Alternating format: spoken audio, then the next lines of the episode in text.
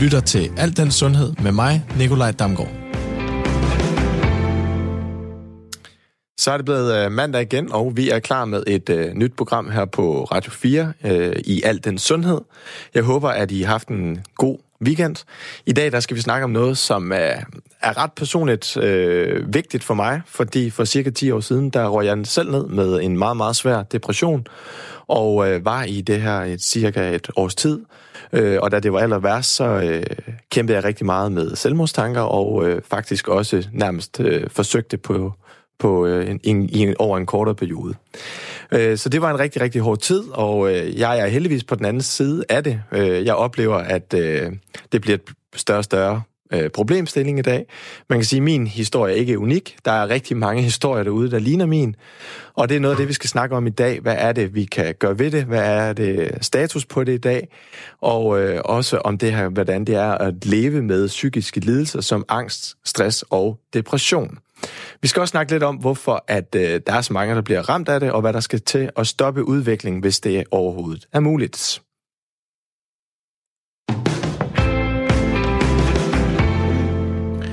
Og som altid, så skal jeg heldigvis ikke stå og snakke om det helt alene. I dag der har jeg fået nogle gæster med her i studiet. Anne Sørensen, studerende og øh, ambassadør hos Initiativet En Os, der blandt andet oplyser unge øh, om psykisk sygdom. Yes. Og Christian Møller Pedersen, ledende psykolog for blandt andet øh, depressionsområdet, stress for øh, Skype sygehus. Jeg er rigtig glad for, at I har lyst til at være med her i studiet for at gøre os lidt klogere. Så velkommen til jer. Tak. Tak. Christian øh, Møller Pedersen, du er jo ledende psykolog, og øh, jeg kunne godt tænke mig at starte med en undersøgelse for Psykiatrifonden, som er lavet her i september 2019. Ifølge den her undersøgelse, så udgør den største samfundsbyrde i samfundet psykiske sygdomme. Altså 25 procent af alle sygdomme i samfundet øh, udgøres af psykiske sygdomme. Og for at lige sætte det lidt i relief, altså kræft står for 17 procent, og hjertekarsygdomme øh, omkring 15 procent. Hvor alvorligt problem er det her? Det er jo et meget alvorligt problem, sundhedsmæssigt problem, vi har i øh, samfundet. Øh, det er heller ikke overraskende, at vi har så høje tal, desværre. Øh, vi ved også, at depression, det koster rigtig mange penge i behandling hvert år, og i tabt indkomst og overførselsindkomst, pension osv. Så, videre. så det er nogle dyre lidelser og vigtige lidelser, vi taler om. Men du siger, det ikke er overraskende, men det, det går jeg ud fra det, fordi du arbejder med det. For mig var det faktisk overraskende, at det var, altså det er jo, det er jo næsten hver fjerde, øh, eller det er jo decideret hver fjerde sygdom, der er i kategorien psykiske lidelser. Ja. Øhm, og det er også det, du oplever. Altså har du, i dit arbejde med patienter, oplever du, at det bliver værre? Over, over tid, tænker ja, du? altså eller over hvad? de seneste par år? Øh, jeg tror ikke, Nej, jeg tror ikke, at man kan sige det som i vores, i psykiatrien, vi ser, at det bliver værre og værre, men, men der er jo mange, der taler om, at der er flere, der bliver ramt af stress, og flere, der bliver ramt af depression øh, og angst. Og øh, vi lever jo også i et præstationssamfund. Der er mange krav til øh, individer, og vi ved også, at mange af de her sygdomme, de er øh, følsomme over for stress, altså at de kan være udløst af stress. Så det giver jo nok meget god mening at, at tænke, at, øh, at der kan være en stigning. Og inden vi sådan lige går helt videre, så, fordi det her med psykiske lidelser er en utrolig bred betegnelse, og vi kunne snakke om det i rigtig lang tid, øh, men vi forholder os rigtig meget omkring til det her stress, depression og angst i dag. Anne, jeg kunne godt tænke mig at høre dig. Øh, overrasker det dig, at det er så stort et tal? Øhm, nej, det, det tror jeg egentlig heller ikke, det gør. Og du har jo lidt af angst over længere tid. Kunne du tænke dig lige at fortælle lidt om din historie? Ja, det kan du tro. Øh, jamen, det startede nok egentlig med, at jeg øh, altid har været et meget ængstligt barn. Øh, og det, det kan man jo godt være, uden nødvendigvis at, at fejle noget. Øh, men på et tidspunkt, så blev det ligesom så invaliderende, og, øh, og det fyldte så meget, at, at, øh, at vi nok fik øjnene op for, at øh, det var nok lidt mere end bare lige at være ængstelig. Øh, og så har jeg... Øh, startede jeg med at have nogle øh, vinterdepressioner. og det... Øh, til sidst så gik de bare ikke over, når vinteren var slut. Så begyndte de ligesom at vare længere og længere. Øhm, så det, det har været noget, jeg har øh, været igennem, siden, siden jeg var helt meget, meget lille. Øh, så for mig er det sådan meget naturligt. Øh, det har været en fast følgesvend i rigtig mange år. Øh, og så er jeg øh, med tiden vokset op, og i mine teenageår var det rigtig svært. Øh, nok også på grund af alle mulige andre ting, og ganske almindelig øh, teenage-forvirring.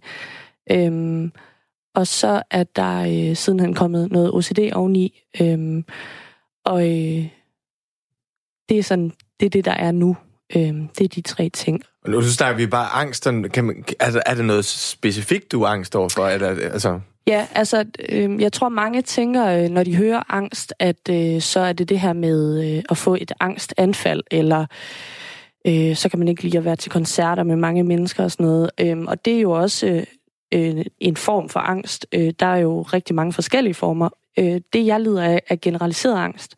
Så jeg er egentlig ikke så plaget af de her øh, sådan voldsomme angstanfald. Men generaliseret angst er ligesom sådan en konstant øh, bekymring, uro. Øh, og det, øh, det er det, jeg har. Jeg er rigtig, rigtig bekymret hele tiden, og jeg er bange for, at der sker min, min nærmeste noget, og jeg bekymrer mig om min fremtid og økonomi og uddannelse, og hvad skal der blive af mig? Og, og det, det gør vi nok alle sammen øh, i perioder, øh, især perioder, hvor der sker mange ting. Øhm, men det fylder nok uforholdsmæssigt meget for mig. Øhm, og det, øh, det, er sådan, det er den måde, det udarter sig på for mig. Øhm, ja. Christian, jeg kunne godt tænke mig, det, det du hører, eller det vi hører fra Anne her, er det sådan typisk, hvis man kan sige, at der er noget typisk, men er det sådan, det du også øh, oplever for dine patienter, at det er sådan, at det bygges op over tid? Det er meget almindeligt, at folk kan fortælle, at de har følt sig lidt mere sårbare, måske som børn og unge, lidt mere end gennemsnittet lidt mere modtagelig for problemer, bekymringer osv. Øh, og så oplever nogen, som Anne fortæller, at det kommer over på et eller andet tidspunkt, måske hvor der sker nogle kritiske begivenheder i ens liv. Det er ligesom dråben, der får bedre til at flyde over. Øh, og det Anne også fortæller rigtig fint, det er, at mange kender jo til at have noget af det her. Vi kan alle sammen have bekymringer i perioder, eller være triste, eller føle os lidt stresset, have dårlig nattesøvn. Øh, men det går for mange over igen. Men der er en gruppe af mennesker, der oplever, at det ligesom tipper over på et tidspunkt, øh, og bliver en tilstand, der ikke rigtig vil gå væk. Det begynder lidt at leve sit eget liv.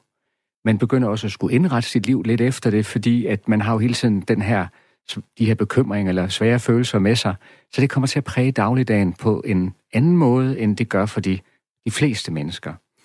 Og nu snakker vi over det som sådan en bred kamp, de her tre ting. Øh, kan man sådan lidt forklare lidt om forskellen på de tre? Altså hvad, stress, depression, angst. Bare lige sådan, at vi er helt med på det. Det er jo tre forskellige øh, tilstande eller øh, lidelser, kan man sige. Depression, det øh, kendetegner man ved, at der er meget, folk er meget triste som regel, mister interessen for det, man plejer at gå op i, øh, mangler energi.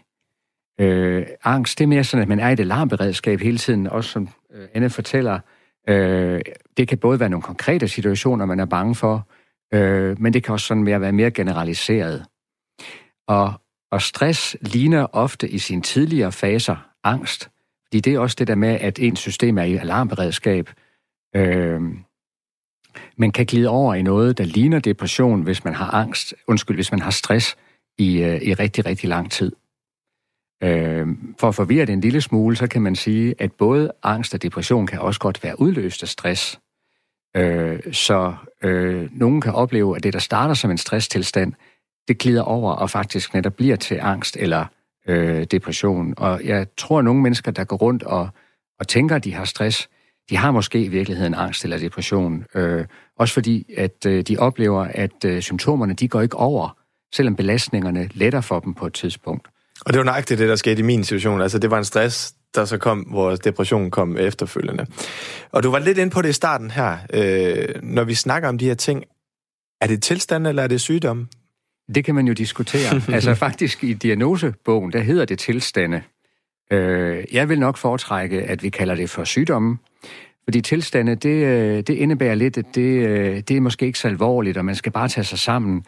Øh, og som du sikkert kan huske, og som Anne kan fortælle, jamen så kan man ikke bare tage sig sammen, og det går ikke bare over. Og nej, man kan godt gå en tur eller spise sundere, men det går ikke væk alligevel. Jeg synes, vi skal respektere den lidelse, der ligger i at have det sådan, og kalde det sygdom, fordi jeg mener, det er det, det er. Så er det vel også meget nemmere at tage fat i, rent øh, behandlingsmæssigt og samfundsmæssigt, tænker jeg? Det, det er det jo, fordi at vi så kan diagnostisere de her, øh, nu kalder det så tilstand alligevel, øh, men også fordi vi faktisk ved noget om, hvad for en behandling, der, der hjælper. Øh, og der er også mange, der måske går rundt med en skyldfølelse over, at det er deres egen skyld, de har fået det sådan her. Jeg burde have taget mig mere sammen, eller jeg burde have passet bedre på mig selv, eller jeg burde ikke have levet mit liv sådan her. Og den skyldfølelse er rigtig synd, fordi man er ikke skyld i sin egen lidelse. Øh, man kan gøre noget for at komme ud af den, men det er ikke det samme som, at det er en straf eller ens egen skyld. Øh, og det synes jeg også, at man understreger ved at kalde det for en sygdom. Og, at, og det er noget, der kræver behandling, så det er ikke noget, man bare kan øh, handle sig ud af selv. Anne, den kunne jeg godt lige tænke mig... Er du enig i det, Christian siger her? Øh, ja, jeg tænker også, at øh, jeg også vil betegne det som sygdom i hvert fald. Jeg vil... Øh, jeg har selv kæmpet meget med den der... Øh, ah, måske skal jeg også bare tage mig sammen, og måske er det også bare mig, der er øh, for dårlig til at se øh, de positive ting. Øh, og det, det, øh, det kan være rigtig nedbrydende for en, fordi så får man det i hvert fald ikke bedre, hvis man også samtidig skal gå og bebrejde sig selv for at have det sådan her. Øh, og jeg tror, øh, for mig har, har netop behandling hjulpet, og jeg havde nok ikke søgt den behandling, hvis jeg bare havde slået det hen med ikke at være en sygdom. Så for mig øh, er det også netop at erkende alvoren i det og kalde det en sygdom. Øh, ja, så det, det, er, det er jeg også enig i, ja. Hvis du lige har hoppet med ombord, så øh, lytter du til øh, Alt den Sundhed med mig, Nicolai Damgaard, hvor vi i dag snakker omkring øh, stress, depression og angst, og det at leve med psykiske sygdomme. Jeg kender rigtig mange, eller flere og flere, som døjer med enten stress, angst eller depression, eller jeg kender faktisk rigtig mange efterhånden. Anne, du har lige fortalt om din personlige historie. Hvordan har du det i dag? Jamen i dag øh, har jeg det... Øh, jeg har det godt, øh, vil jeg sige. Jeg øh, lever et helt normalt øh, ungdomsliv, øh, studerer, passer et arbejde, øh, ser mine veninder og træner sammen med min kæreste, men, men jeg har også, jeg, jeg er meget bevidst om, at, øh, at det går op og ned, øh, og at jeg har perioder, hvor jeg skal være mere opmærksom øh, på mig selv, og øh, tage mere hensyn til mig selv, end andre øh, perioder. Og hvad kunne det være for nogle perioder, tænker du? Jeg er rigtig... Øh, jeg er for eksempel svært ved sådan nogle øh, overgangsperioder, eller når, øh, når der sker et skifte i min hverdag. Lige om lidt, så er jeg færdiguddannet, skal ud på arbejdsmarkedet. Sådan nogle situationer har jeg det svært med, fordi at jeg ikke... Så, så kommer den her bekymring og usikkerhed op igen, at åh, hvad skal der ske? Og sådan, jeg har meget brug for at vide, hvad der skal ske, og, og have, være forberedt, tror jeg. Øhm, så det er især i sådan nogle skift, øhm, hvor, hvor, hvor man har haft en hverdag, og den så på en eller anden måde bliver ændret, så er jeg også ekstra øh, eksponeret, når det er mørkt, når det er vinter. Det tror jeg, vi er rigtig mange, der er. Øhm, og det er jo det, jeg er meget klar over. Sådan er det næsten hvert år. Øhm, så der må jeg også tage mine forholdsregler og gøre noget af det, jeg har fundet ud af efterhånden, kan hjælpe, selvom, ligesom Christian siger, det er ikke, en gåtur kan ikke få det til at gå væk, men, men, øh, men man kan måske forsøge at holde fast i noget af det, man plejer godt at kan lide, selvom man måske ikke har overskud til det. Så jeg prøver sådan at, at gøre noget af det, der kan, kan afhjælpe, men jeg er også godt klar over, at jeg er ikke 100% selv herre over det her. Øh, men, men jeg er til gengæld også rimelig bevidst om, at det også går over igen. Så er det lidt, når du kommer ud af de her trygge rammer? Ja, meget der. Du nævner det her med, at du snart er færdiguddannet, og lige om lidt skal ud og søge noget job. Måske er du allerede øh, begyndt på det. Og det ved jeg er en lille udfordring. Ja, det er, det er noget, jeg lægger mange tanker i, i hvert fald lige pt. Som hvad, for eksempel? Altså... Jamen, det er... Øh, jeg tror, nu er jeg jo, som du nævnte, øh, ambassadør for en af os, og ude at holde foredrag om det her, øh, og, og leve med psykiske lidelser. Og det, det er jeg egentlig rigtig åben omkring, og har øh, ikke noget problem med at fortælle, at jeg lider af det, at jeg har været indlagt, at altså, alle de her ting, det har jeg det helt fint med at fortælle. Men, øh, men så slog det mig, at øh, da jeg sad og læste jobansøgninger, at der blev sådan beskrevet, at man skulle være psykisk robust. Øh, jeg skal ud og være socialpædagog forhåbentlig.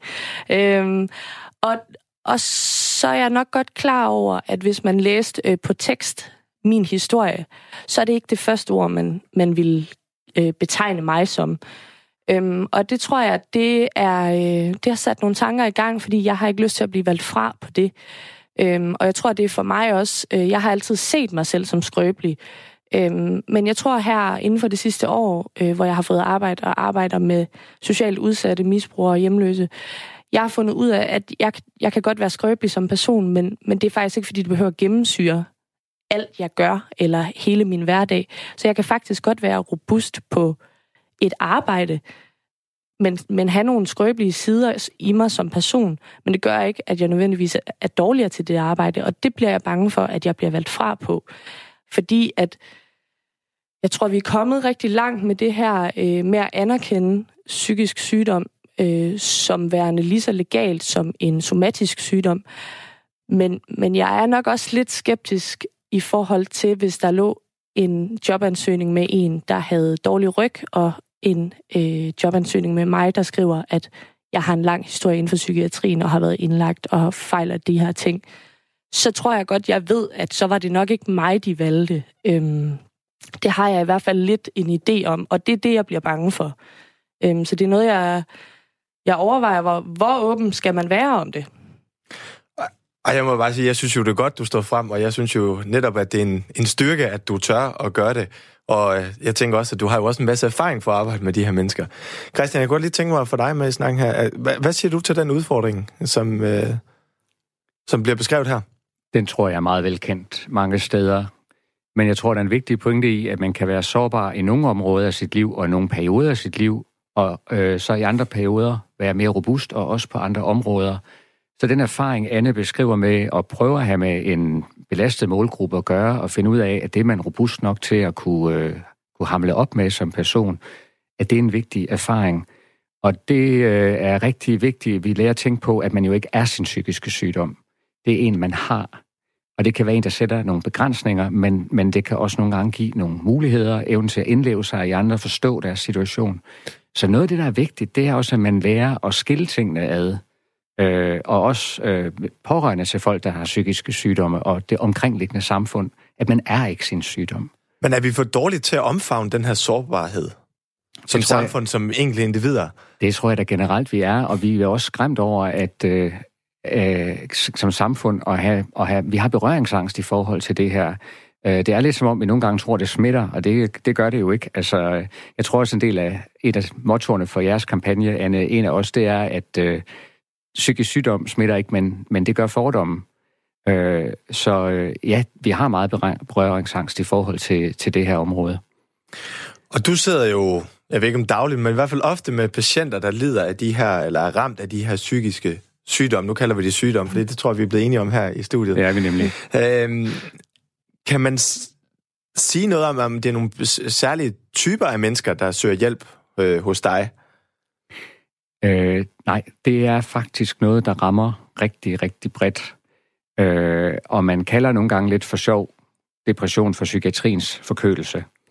Øh, som for en måde at sige på, at det rammer rigtig, rigtig bredt. Det rammer, det rammer øh, øh, yngre, det rammer ældre, det rammer mænd, det rammer kvinder, det rammer øh, rige, det rammer ikke så rige. Så det er noget, der rammer øh, rigtig bredt i vores samfund er jo fordi både det, godt. Det, ja, det, det, det synes jeg er interessant, ja. fordi vi, ja. jeg synes tit, vi hører om medierne, at der er en stor stigning blandt unge med netop depression og sådan noget, men din erfaring er, at det, det er meget bredt.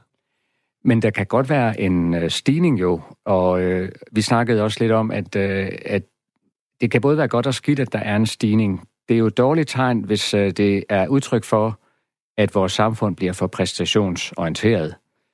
Øh, omvendt, hvis det er et tegn på, at vi nedbryder nogle tabuer og bliver opmærksom på, at der er folk, der lider, og vi begynder at, øh, at tør søge op, opsøge hjælp, så er det måske et godt tegn. Så jeg tror, der er to sider af, af den snak, øh, når det kommer til stykket. Og sådan samfundsmæssigt, er, er der noget, du tænker, vi sådan gør, gør forkert, hvis der er noget? Altså, det er ikke, det er ikke sikkert, der er det, men er der nogle ting, du, du tænker, vi kunne optimere på? Altså, jeg tror, øh, nu kan du sige, hvad du tænker, øh, Anne. Jeg tror, du vil sige, at vi er kommet langt i at nedbryde mange af de her tabuer, og det vil jeg også øh, være enig med dig i. Jeg tænker nogle gange på det præstationssamfund, vi har, hvor vi er på hele tiden. Det kan være på de sociale medier, men, men også på andre måder, og vi bliver, vi bliver iagtaget hele tiden, vi bliver målet, vi bliver vejet, at det er faktisk kort hele tiden at være i en position, hvor at man øh, bliver iagtaget af andre. Måske kunne vi lære at få en kultur, hvor vi sagde, at jeg er simpelthen for vigtig som person til, at jeg hele tiden skal måles og vejes på alt, hvad jeg gør. Jeg har for meget værdi som menneske til, at, at jeg hele tiden skal udstille mig selv på den her måde. Hvad tænker du om det, Anne? Vi kommer til at snakke lidt om tabu øh, øh senere i programmet, men mere den her, øh, den her sammenligningsproblematik, er det også noget, du sådan... Ja, jeg, jeg kan så godt genkende det. Altså, det er jo... Øh, jeg tror igen, øh, min aldersgruppe, og måske også, øh, os piger, kan have en tendens til at, øh, at sammenligne os. Og det er i hvert fald øh, ikke noget, der gavner det, hvis man har det svært. Øh, og jeg kan selv mærke, at de perioder, hvor jeg er nede, så bliver jeg endnu mere kritisk omkring mig selv.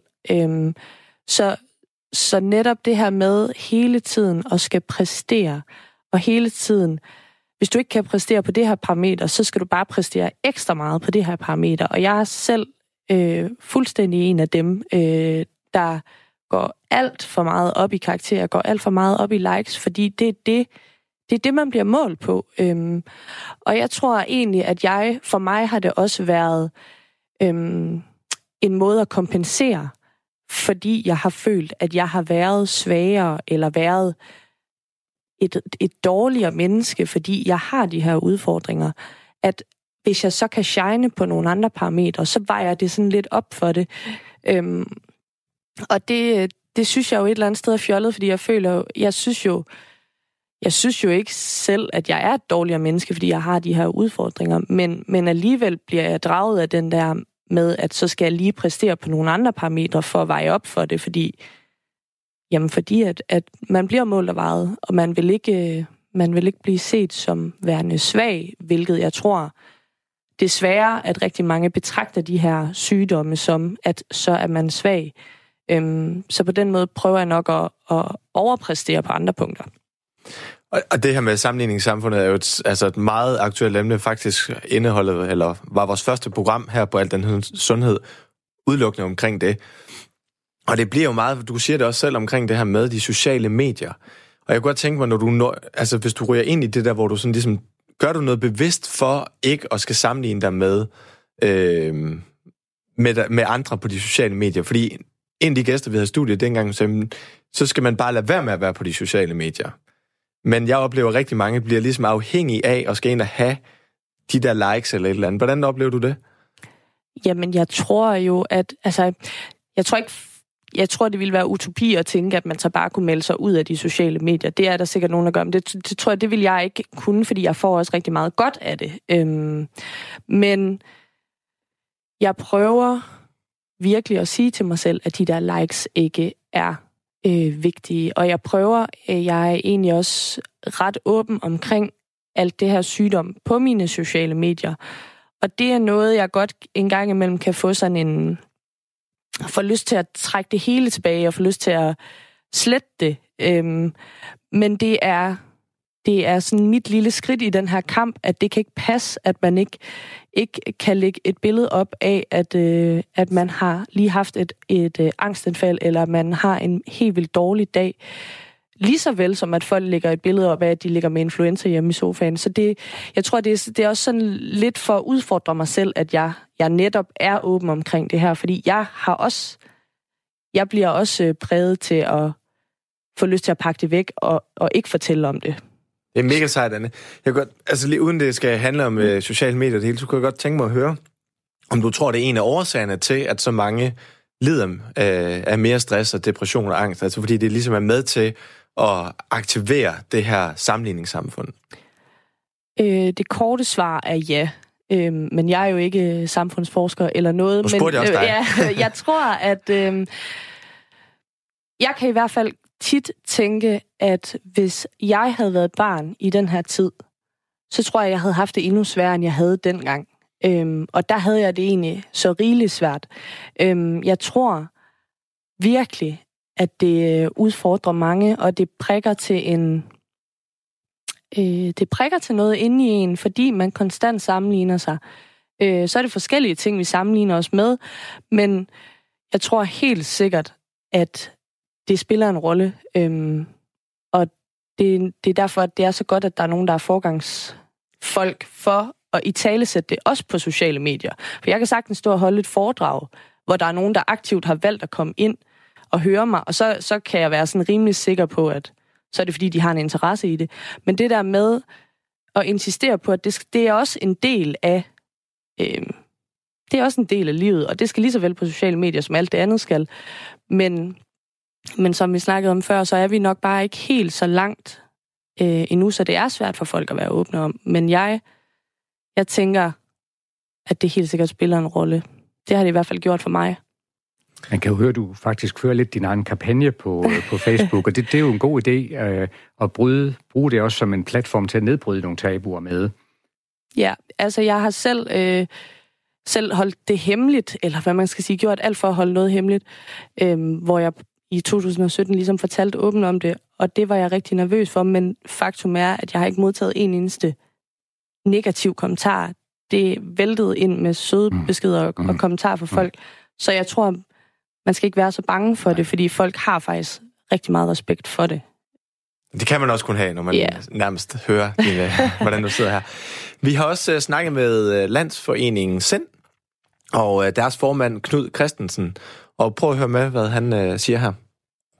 Jamen, det er et kæmpe øh, problem, og det er et voksende problem. Det er, det er et problem på flere led. Det ene det er selvfølgelig de, de menneskelige problem for, for dem, det går ud over, og deres familier. Men det er også samfundsmæssigt et problem, øh, og Øh, OECD har for nylig offentliggjort en undersøgelse, hvor man estimerer, at det koster det danske samfund 110 milliarder kroner om året psykisk sygdom. Så det er et kæmpe problem. 110 milliarder om året, og af, heraf øh, vurderer man, at de 40 milliarder går til stress. Så det er jo helt vildt høje tal. Altså, jeg var faktisk overrasket over, at det var så højt. Christian, kan man sige noget om, om det er noget, der er sprunget i luften over årene, eller har det været sådan en stødt stigende øh, kurve? Det øh, er en stigende kurve, og det skyldes jo, som vi talte om før, nok både, at øh, der er flere, der udvikler psykiske sygdomme, men også, at vi øh, vedbryder tabuer og bliver bedre til at finde dem. Øh, folk hører måske et program som det her i radioen og tænker derhjemme, det kunne være, at jeg skulle gå til læge, fordi jeg kan genkende noget af det, der bliver talt om. Øh, så der er to sider af det. Øh, vi ved, vi bliver hele tiden klogere på, hvad psykiske sygdomme er, hvad de kommer af, hvad de, hvordan vi kan behandle dem. Der kommer en stigende opmærksomhed på det i, øh, i samfundet. Øh, og det er trods alt mindre svært i dag at indrømme, at man har en psykisk sygdom, end det var måske for 20 eller 30 år siden. Øh, så noget af den stigning er et udtryk for, at det er mindre tabubelagt område. Og det kunne jeg godt tænke mig at følge op på, så går vi nemlig videre til næste emne, netop at snakke omkring det her med tabu. Mm. Mit indtryk er nemlig, at selvom vi er så mange mennesker, som enten selv har oplevet at, at lide af enten angst, stress eller depression, så er det ikke noget, vi sådan går og taler helt åben om. Anne, du gør lidt og er begyndt på det, ja. øh, men det kan jo også høre, at det har jo haft nogle, hvad skal man sige, overvejelser med sig. Øh, og det kan egentlig godt undre mig lidt, når det nu er cirka hver fjerde af os, der faktisk bliver berørt af det på et eller andet tidspunkt. Øh, Anne, du lider af det her angst og de ting, du har været inde og snakke om, og har egentlig gjort det lang tid. Øh, hvor lang tid er det egentlig? Fordi det fik vi aldrig... Øh, Nej, men øh, altså det, det er sådan siden de tidlige folkeskoleår, så det er, det er en, en god portion år efter ja. ja. Er det noget, du flår over? Mm, ja, det tror jeg, det er. Ja. Øh, det skærer lidt i mit hjerte, når jeg netop taler den her tabusag, men, men det, det, det er det. Øh, jeg tror, at... Øh, jeg er godt klar over, at, at det jo netop ikke er alle, der har det sådan. Øhm,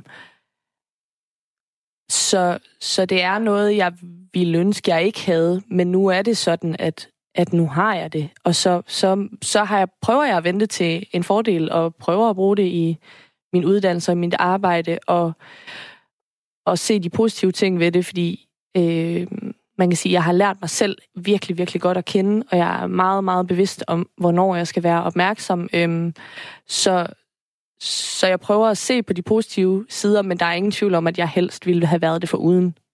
Selvfølgelig er det, er det fuldt forståeligt. Hvad er det, for, altså, hvad er det, kan man sige sådan konkret, hvad det er, du er flov over? Altså, nu snakker du om, du gerne vil være det for uden, men er der sådan nogle helt konkrete ting, noget du er flov over i, i forbindelse med den her sygdom? Jeg tror, det er, at, øhm,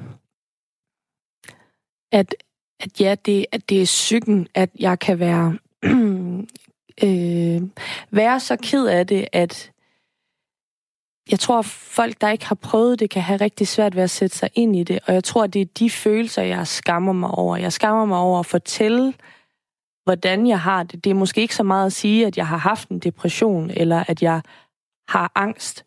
Men det er at gå ned i, hvad er det, der sker inde i mig, fordi at det kan være så svært for folk at forstå. Øhm, og det kan være rigtig svært nu, du også siger det her med, med selvmord. Jeg har også været tæt på at begå selvmord. Og det, det, øhm, det kan være så svært at sætte sig ind i øhm, for folk, der ikke har prøvet det. Og jeg tror, det, det er det, jeg flår over. Jeg flår over at have de der meget mørke tanker og meget mørke sider. Og så er jeg bare som os nu her med præstationssamfund, at jeg ikke er det perfekte menneske, at øh, jeg har de her, de her små fejl eller øh, udfordringer. Og øh, det er nok det, ja. Og det må vi jo bare konstatere, der er jo ikke nogen af os, der, der er perfekte. Det er jo det. Øh, er der nogle situationer, hvor du holder det for dig selv? Jeg tror, at øh, jamen, det er jo meget det her med, når man møder nye mennesker. Øh, for mig er det meget vigtigt, at folk lærer mig at kende som Anne, og så har jeg intet problem med at dele ud af, hvad jeg har været igennem, eller hvad jeg bøvler med. Øhm, men jeg, vil, jeg er godt klar over, at, at øh, folk kan have nogle idéer om, hvad det vil sige at være en person med angst, eller hvad det vil sige at være en person med OCD eller depression. Øh, så jeg, det, er, det er ofte i de her situationer med nye mennesker, hvor jeg gerne vil have, at de lige får et indtryk af mig, først, inden jeg ligesom smider det her på bordet. Øhm, og så er det jo øh, er det jo i, i øh, situationer, hvor, hvor man hvor jeg kan være øh, bekymret for, at folk ser det som svaghedstegn, for eksempel i de her jobsituationer. Øhm, men, men sådan til, til folk, jeg føler mig trygge ved og sådan noget, så er det ikke noget, jeg er bange for. Men, men folk, der ikke ved, at jeg egentlig også er mange andre ting, der, der er det ikke det første, jeg siger. Christian, det kunne jeg godt lige tænke mig at høre over dig. At, er det et, øh, dit indtryk, at det er et tabubelagt tabu-belagt emne, det her? Ja, desværre. Stadigvæk. Og men i mindre grad efterhånden. Men så er det rigtigt, som Anne siger, det er jo et tabu, og det er jo tankevækkende, at hver fjerde bliver ramt af en psykisk sygdom, øh, kan blive det i løbet af sit liv, og så er det stadigvæk så svært at tale om. Øh, noget af det hænger nok sammen med, at det er skjult. Man kan ikke se det på folk. Man kan jo se på folk, hvis de har et brækket ben, eller ofte hvis de har en anden sygdom. Det kan man jo ikke med det her. Øhm, og så tror jeg, der er noget med, at øh, vi mennesker, vi, vi søger forklaringer på, hvordan vi har det. Hvis vi er ved at få influenza, så siger vi, at det var nok, fordi vi var for meget ude i efterårskulden, eller hvad det nu kan være. Og hvis man får det psykisk dårligt, så begynder man også at finde en forklaring på, hvorfor har jeg det sådan. Og i de forklaringer, der graver vi jo ofte i os selv, eller søger i os selv, og så kommer man ofte frem til en eller anden skjult konklusion om, eller ikke skjult, men altså man får gravet en konklusion frem om, at det må også være min egen skyld. Det må være et svaghedstegn. Og den skyldfølelse, som jeg også synes, Anna er rigtig god til at sætte ord på, øh, det er jo egentlig, at man kommer til at tage for meget personligt ansvar for, hvordan man har det. Og jeg synes tit i mødet med patienter, at der er noget af det indledende arbejde for snakket om den skyld, og prøve, at man kan få den lidt til side, og få snakket om, at den måde, du har det på, er nok et resultat af en ophobning af belastninger. Måske er der noget genetik, altså noget arv i det her, øh, så man prøver, om man kan få mennesket skylden lidt, fordi så åbner man også vejen for, at man kan begynde at snakke om, hvordan kan vi så samarbejde om at hjælpe dig til at få det bedre. Så en rigtig stor skyldfølelse kan også ligesom stille sig i vejen for, øh, at man kan begynde at tage hul på at løse det. Så det er vigtigt at, at, at, at i tale sætte det tidligt i behandlingen. En sindssygt vigtig pointe, du har der. Du sidder også og nikker, ja. Anne. Er, vil du tilføje noget til? Jamen, jeg tror, at netop den her skyldfølelse, altså fordi det, der er, når nogen bliver ramt af en, en psykisk sygdom, så er det jo ikke bare den person, det rammer. Det er jo også familie, øh, venner. Øh, og, og det er øh, noget, jeg i hvert fald selv har kæmpet rigtig meget med. Jeg har fyldt rigtig meget i mit barndomshjem. Øh, jeg har to brødre, de har ikke bøvlet med noget psykisk. Det har været mig, der har været meget i fokus. Mine forældre har kørt rundt til behandling i hele landet med mig. De har gjort alt, hvad der stod i deres magt. Men det betyder også, at, at jeg stadig den dag i dag kan gå med en skyld over for mine brødre, for eksempel, at de måske ikke blev set så meget, som de skulle have gjort. Øhm, fordi, fordi mine forældre var nødt til at tage sig af mig, og det samme over for mine veninder, at jeg kan godt tænke, at giver, giver jeg lige så meget tilbage, som de giver til mig, fordi at jeg har haft det så svært. Øhm, så en, den der skyldfølelse gennemsyrer det hele, for at hvis, hvis jeg nu ikke havde haft det her, så, så, havde de ikke, så havde det heller ikke ramt dem. Øhm, og jeg tror, det er det der med, at det er ikke kun den person, der får sygdommen, det går ud over. Og det kan i høj grad også medføre en skyldfølelse, som er svær at bære. Og nu, det var det her tabu, vi også startede med. Øh, altså, jeg kan jo ikke lade være med at undre mig over, at vi har så oplyst et samfund, som vi har i dag, og så alligevel, så er det nærmest sådan hemmelighedsfuldt og et kæmpe tabu-problem, øh, eller belagt emne, det her. Er det ikke et kæmpe problem, Christian? Det, det er da et kæmpe problem øh, for os alle sammen. Øh, og netop fordi, at den her skyld eller det her tabu er noget, som forhindrer os i at snakke sammen om det, men jo som også er noget, der sætter sig i den enkelte patient, som Anne forklarer os. Så vi har da noget at gøre øh, op med. Jeg har også mødt patienter i tidens løb, som tidligere har oplevet, at de selv havde fordomme imod det at have psykiske sygdomme, og synes, at dem, der havde psykiske sygdomme, de var svage. Også patienter, der har oplevet at have selvmordstanker, som I også har fortalt om. Og så rammer det dem selv, og så begynder de at se på sig selv på den samme måde, som de tidligere har set på andre, og siger, jamen, øh, så er det jo et øh, endegyldigt bevis på, at jeg er svag som person. Men vi kan vel også godt blive enige om, at selvom det stadigvæk er tabubelagt, så er der jo flere og flere, der ligesom åbner op, ligesom dig, øh, Anne. Ja. Og det, det er vel positivt? Altså, det er vel den vej, vi skal gå? Eller hvad tænker du, Christian? Det er, det er helt klart den vej, vi skal gå, øh, så vi kan få en øh, mere åben dialog i vores øh, samfund, og så vi kan komme derhen, hvor at det netop ikke er et, et, et individuelt skyldspørgsmål eller ansvar, hvordan man øh, går rundt og har det.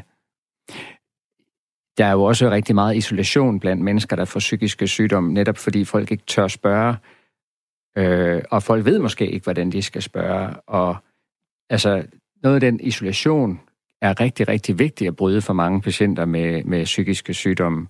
Og det er jo ikke sikkert, at øh, familiemedlemmer behøver at løse alle problemer ved at spørge ind til det eller bør forstå til fulde, hvordan det opleves. Men det kan være, at de bare skal lægge øre til, og bare prøve at lytte, og bare prøve at leve sig lidt ind i, hvordan det er, øh, og så måske ikke gøre så meget øh, mere egentlig bare at være der, øh, fordi det er nok mere den der mor og tavshed, man kan blive mødt med, som føles rigtig, rigtig øh, isolerende for folk. Og du sidder og, og nikker, Anne. Ja. Øh, helt kort, vil du øh, har du knyttet en kommentar til det med den her tavshed? Nej, men jeg tror også bare, at jeg øh, selvfølgelig også kvæg mit øh, ambassadørarbejde, jeg er jo all in for, for åbenhed omkring det her. Også for, for, for ens egen skyld, fordi jeg øh, på egen krop kunne mærke, hvor, hvor meget lettere det blev for mig at håndtere det her, når jeg ikke skulle gå og lyve om, at nu skulle jeg til tandlæge for fjerde gang i træk, når jeg i virkeligheden skulle til psykolog og, og kunne, kunne sige, ved hvad, jeg skulle, jeg, det er lidt en svær periode lige nu, det er vinter, og jeg har det lidt op ad bakke. Så det her med, for ens egen skyld også, at være åben om det. Og så tager, jeg siger ikke, at alle skal gå ud og skrive det på sociale medier, som jeg har gjort, men tag det i de, det tempo, det virker for en. Øhm, men, men det kan virkelig, øh, så, så bærer man ikke byrden selv. Øhm, og man kan jo sige, at du har valgt at bruge en periode af dit liv på at være åben, og så lukker du måske lidt i nu, hvor du skal søge et job. Ja, lige præcis. Og så kan der komme en senere periode i dit liv, hvor du synes, du har en platform til at åbne igen. Og vi ser også mennesker jo, som er forfattere eller skuespillere, som vælger at stå frem på et tidspunkt, eller radioværter som dig. Øh, så jeg synes ikke, man, har ikke sådan, man kan jo ikke sige, at man har en forpligtelse til at bruge hele sit liv på det. Nej, lige præcis. Øh, fordi det er jo svært, og der kan også være nogle personlige omkostninger ved at gøre det. Men, men hvis man kan finde en periode i sit liv, hvor man har overskud til det og mulighed for det, øh, så kan man gøre det. Og så tror jeg, for hver gang det sker, så kommer vi et stykke videre, og det er jo også det, vi er på vej til.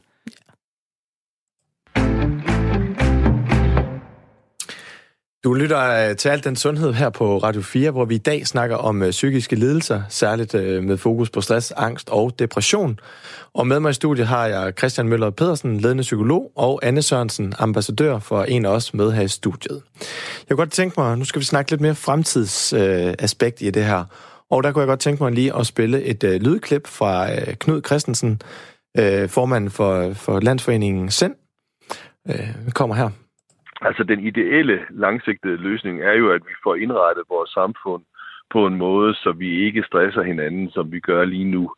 Og det kan man jo ikke sådan bare lige gøre. Så på kort sigt kan man gøre det, at man, man sætter tidligere ind, når man opdager, at der er nogle borgere, der begynder at reagere øh, negativt på, på de øh, ting, de bliver udsat for, så skal vi sætte ind og understøtte dem og hjælpe dem øh, tilbage på, på, øh, på rette kurs igen. Så indtil vi får lavet samfundet om, så må vi nøjes med sådan lidt tidlig indsats og forebygge i det omfang, vi nu kan.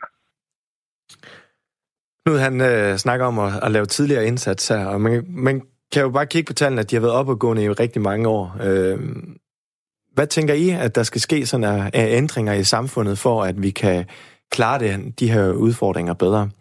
Har du et bud på det, Christian?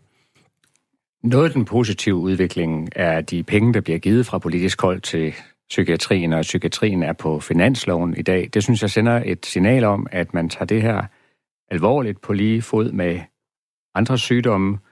Det er jo en udvikling, som man kun kan håbe fortsætter. Øh, jeg, er ikke, jeg er ikke politiker, så jeg skal ikke prioritere, men, men set fra min stol er det her jo rigtig, rigtig øh, glædeligt. Jeg synes også, Knud er inde på noget vigtigt med en forebyggende indsats, fordi der er faktisk ikke nogen behandling, der er bedre end forebyggelse. Så det er også noget med øh, at tage nogle tidlige advarselstegn alvorligt. Det betyder jo ikke, at hvis man går og er lidt stresset en periode eller et nedtryk, så skal man styrte til læge den første dag øh, og frygte, at nu har man en psykisk sygdom.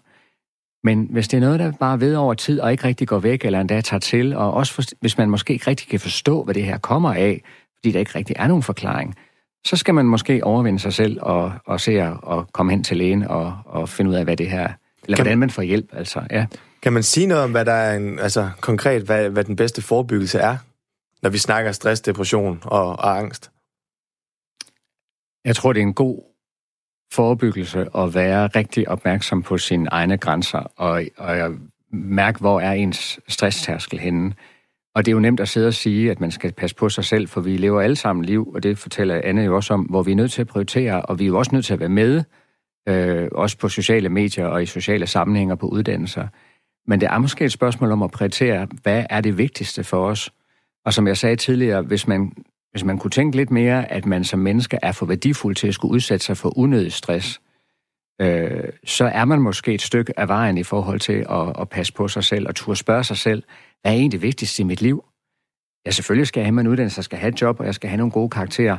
Men, men jeg er måske også nødt til at kigge lidt på, hvad er prisen for at få 12 hele tiden, eller skulle ligge i den øverste lønramme, eller, eller hvad det er.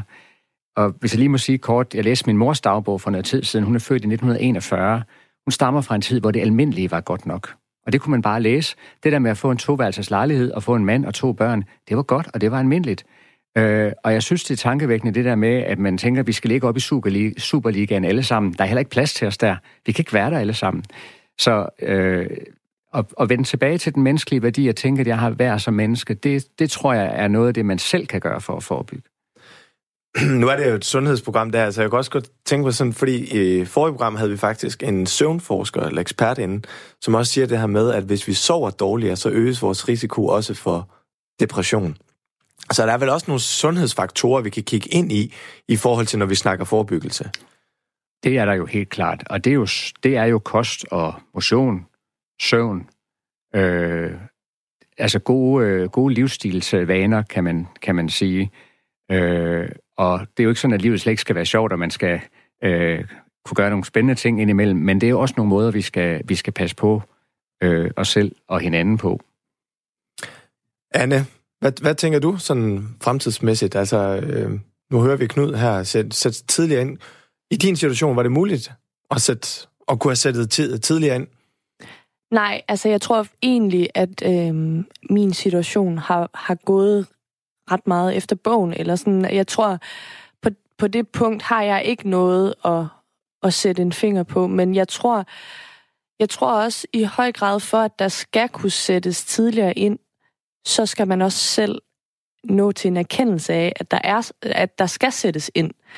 Øhm, så jeg tror også, det er rigtig meget det her med, som Christian også siger, at hvis, hvis man oplever, øhm, at, at man har nogle tanker om, at man måske har, har det ikke så godt, øh, ja, så gå til lægen, øh, og hvis det, hvis det er lidt svært at træde over det dørtrin, så start med at dele det med en, en ven eller et familiemedlem. Men, men at række ud, tror jeg, er noget af det, der kommer før den her forebyggelse, fordi du er nødt til selv at erkende det, før du kan, kan begynde at forebygge det.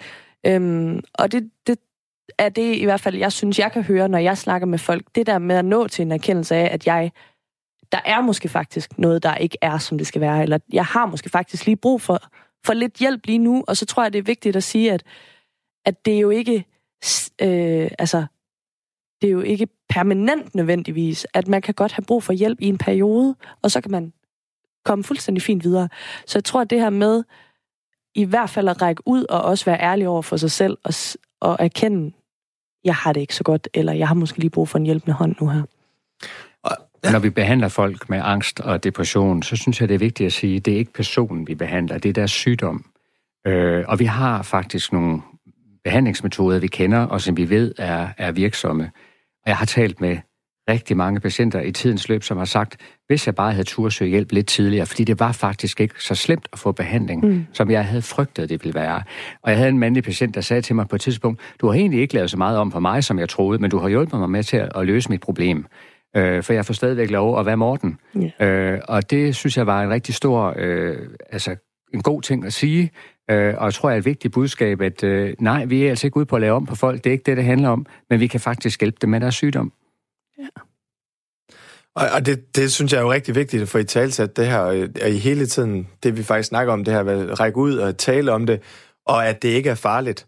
Og så især også det her med, at det er, at det er jo en sygdom, og ikke en tilstand, som hvor skyldfølelsen sådan ligesom skal fylde alt for meget. Øhm, du var selv lidt inde på det her med, at, øh, at øh, alt det med psykiatrien blevet, er blevet en del af finansloven, og øh, støttepartierne har nu, øh, hvad skal man sige, og, og regeringen blevet enige om, at der skal afsættes 600 millioner i den nye finanslov. Og det var blandt andet enhedslisten, som kom med det øh, krav. Og om det siger øh, psykiatriudfører Peter, Peter Velblund fra Enhedslisten det her. Jamen det, det har været krav fra, fra Enhedslisten, og det har været vores hovedkrav til, til finansloven. Og, og det er, er jo primært fordi, vi har kunne se, at vi i, i behandlingspsykiatrien, altså når folk har været stresset, angst eller depressive igennem længere tid, så risikerer man, at de får det så dårligt, at de kommer øh, i kontakt med, med, med behandlingspsykiatrien, altså skal for eksempel skal indlægges eller skal ind til, til ambulant behandling.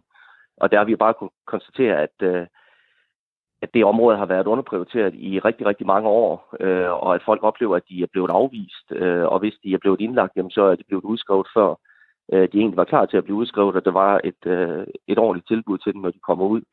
Øh, så derfor har det for os været fuldstændig afgørende, at vi har fået sikret et, et øh, løft, så når folk er allermest i krise og allermest sårbare, så skal de ikke afvises, så skal de have mulighed for at få øh, god og, og tilstrækkelig hjælp fra, fra sundhedsvæsenet.